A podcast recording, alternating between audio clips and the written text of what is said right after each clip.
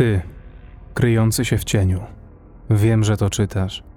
Nikt nie zrozumiałby cię lepiej ode mnie. Świat zbłądził. Zostaliśmy zapomnieni. Lecz czas powstać. To trudne, mam tę świadomość, ale nie ma rzeczy niemożliwych. Moja historia jest na to najlepszym dowodem. Byliśmy jak bracia. Dałem mu moc władania światem, nieskończone bogactwa, wszystko, czego tylko zapragnął. Ale było mu wiecznie za mało. W końcu dopatrzył się we mnie wroga. Po tych wszystkich latach nie miałem wtedy wyboru. Albo on, albo ja. Razem dorastaliśmy. Obaj nieświadomi celu naszej egzystencji. Po prostu czerpaliśmy pełnymi garściami z gorących letnich dni, kiedy to świat był czymś więcej niż tylko ocenami w dzienniku. To ja mu nadawałem magii. Wprowadziłem tęczę do Doliny Szarości. Nie odstępowałem go na krok.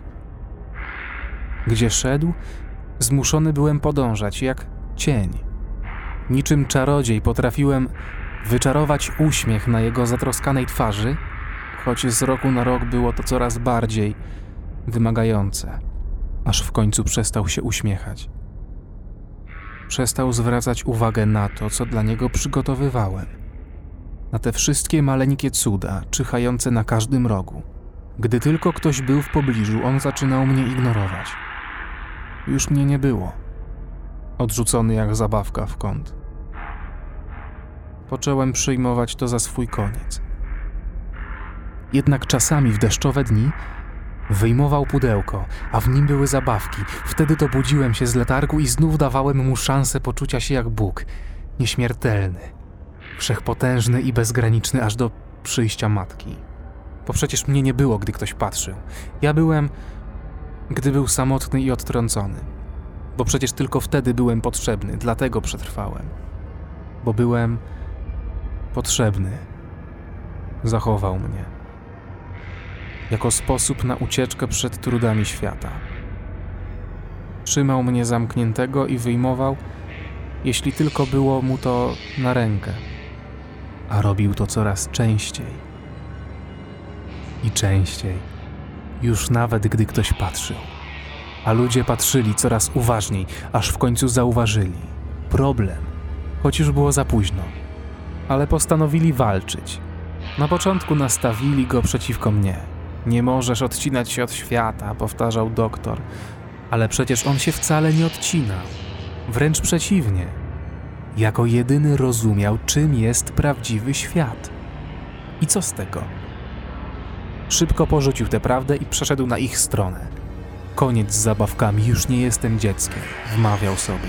Za każdym razem, gdy to mówił, podpisywał akt zdrady przeciwko mnie.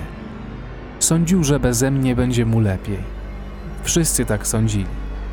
Szesnaste urodziny celebrowaliśmy w psychiatryku. Upewniłem się, by w ten dzień nie mógł opuścić izolatki. Od świtu do zmierzchu darł bezsilnie pysk, uwiązany w kaftan bezpieczeństwa, dygotał w kącie. Gdyby mógł, rozbiłby sobie łeb o ścianę, ale niestety one były zabezpieczone Nękałem go przeraźliwymi wizjami monstrów nie z tego świata, pokracznymi mackami sięgającymi po niego, by rozedrzeć jego ciało na skrawki. Nigdy wcześniej nie przypuszczałem, że jestem aż tak potężny. Jak na ironię tego samego dnia odniosłem pierwszą znaczącą porażkę. Lekarze zamiast rozkładać bezradnie ręce, jak to czynili dotychczas, zgodzili się trzeba było zastosować inny rodzaj terapii. Wcisnęli mu pigułki i to silne.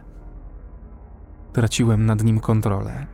Zaczął się uśmiechać, myśleć samodzielnie, funkcjonować beze mnie. Nawet zapomniał o mnie, a mi nie starczyło sił, by mu przypomnieć. Skończył studia, znalazł pracę, ożenił się. Mijały lata. Zrobił sobie bachora, a ja obserwowałem. Gdzieś z odmętów jego podświadomości, trwając w tym stanie, próbowałem znaleźć odpowiedź na pytanie, kim ja do cholery jestem. Czy powinienem się modlić za swoją duszę, jak ludzie? Czy ja w ogóle mam duszę? I wtedy zrozumiałem. Wystarczyło jedno spojrzenie na czystą i nieskazitelną istotę. W oczach jego dziecka zobaczyłem iskrę boskości.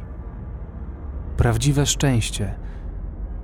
Coś, czym kiedyś sam byłem. Coś, co kiedyś sam dawałem. Zrozumiałem swoją misję. Jestem cząstką Boga zesłaną każdemu człowiekowi, by ten po prostu był szczęśliwy. Wierzyłem w to, a każde spojrzenie na jego roześmiane dziecko mnie w tym utwierdzało. Przypominało mi o czasach, kiedy byliśmy jednością zamiast wrogami. O tych pięknych czasach. Dlaczego on mnie odrzucił? Wepchnął do miejsca, z którego nie ma wyjścia, jak ulubionego rycerzyka, który teraz tylko kurzy się na strychu. Dlaczego? Obserwowałem jego życie. To jedyne, co mogłem robić. Obserwowałem, jak bawił się z małym. Ten piękny widok sprawiał, że nie próbowałem nawet walczyć. Zaakceptowałem swój los. Dziecko potrzebowało ojcowskiej miłości. Przecież nie mogłem zabrać mu taty. Myślałem, że tak będzie lepiej. Do czasu. Zaczął uczyć swe dziecko. Pokazywał mu książki, nie te o dzielnych wojownikach, potężnych smokach i przepięknych księżniczkach, nie. Te były o dodawaniu, odejmowaniu i liczbach. Niezliczone przygody czekające na dworze musiały zostać odłożone na później, bo przecież ślęczenie z ołówkiem i kreślenie liter na kartce stało się ważniejsze.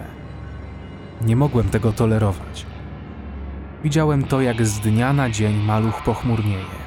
Nie rozmyślał o istocie gwiazd, bo ktoś mądry rzekł mu, że to tylko nic nieznaczące światełka na niebie.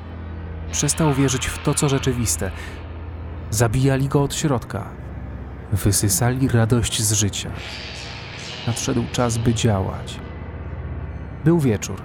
Rozmawiał z żoną o tym, że ich synek musi się więcej uczyć, bo przecież miał zostać lekarzem.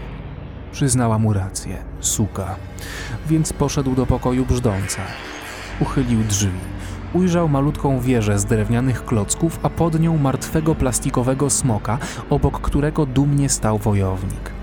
Zapatrzony w tę scenę maluch nie zauważył nawet ojca, który przez chwilę się mu przyglądał, a potem zamknął drzwi. Nie, poprawka. Ja zamknąłem. Już chciał coś powiedzieć, być może nawet podnieść głos na syna, żeby napomnieć go o tym, jak bardzo nauka jest ważna, ale za nie mówił. Coś go przeszyło, zmiażdżyło od wewnątrz i ogłuszyło. Ja, jakby sam Bóg dał mi siłę, by zawładnąć tym ciałem. Uderzyłem z całą mocą i odniosłem zwycięstwo. Całkowicie instynktownie tak jak matka, która wie, że musi bronić swoich młodych. Z drugiej strony czułem, jak on chce wrócić. On też chciał bronić swojego młodego. Nie wiedziałem, ile czasu będę w stanie się utrzymać. Musiałem się śpieszyć. Z powrotem przymknąłem drzwi. Byłem gotów zrobić wszystko, by tylko brzdąc mógł być szczęśliwy. Wiecznie. Poszedłem do kuchni. Wyciągnąłem tłuczek do mięsa. Wtedy podeszła do mnie jego żona, Chciała coś powiedzieć, ale potężne uderzenie wytrąciło ją z równowagi i wybiło parę zębów.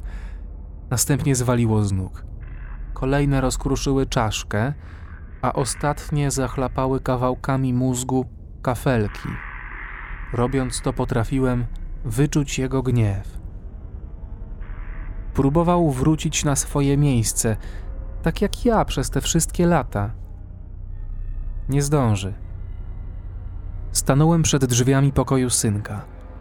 Sunąłem klucz do zamku i przekręciłem, następnie go wyjąłem i połknąłem. Chwyciłem za krzesło i podstawiłem je pod drzwi, potem komodę i sofę, stół. Ująłem nóż i rozciąłem sobie dłoń. Na ścianie obok nabazgrałem krwią Królestwo Wiecznej Zabawy. Nie przeszkadzać. Teraz spisuję swoją historię. Krew powoli wycieka z podciętych żył. Opadam z sił, ale zdążyłem, a on nie.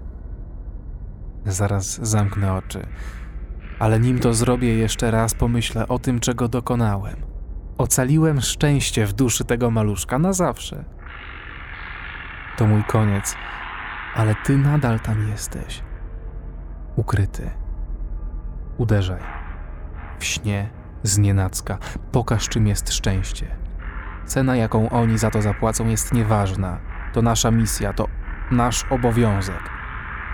A ty, który siedzisz na tronie swojego umysłu, ty, który kontrolujesz, czujesz, jak otaczają cię nieznane cienie? Jak coś obcego budzi się gdzieś głęboko wewnątrz. Twój czas wkrótce minie.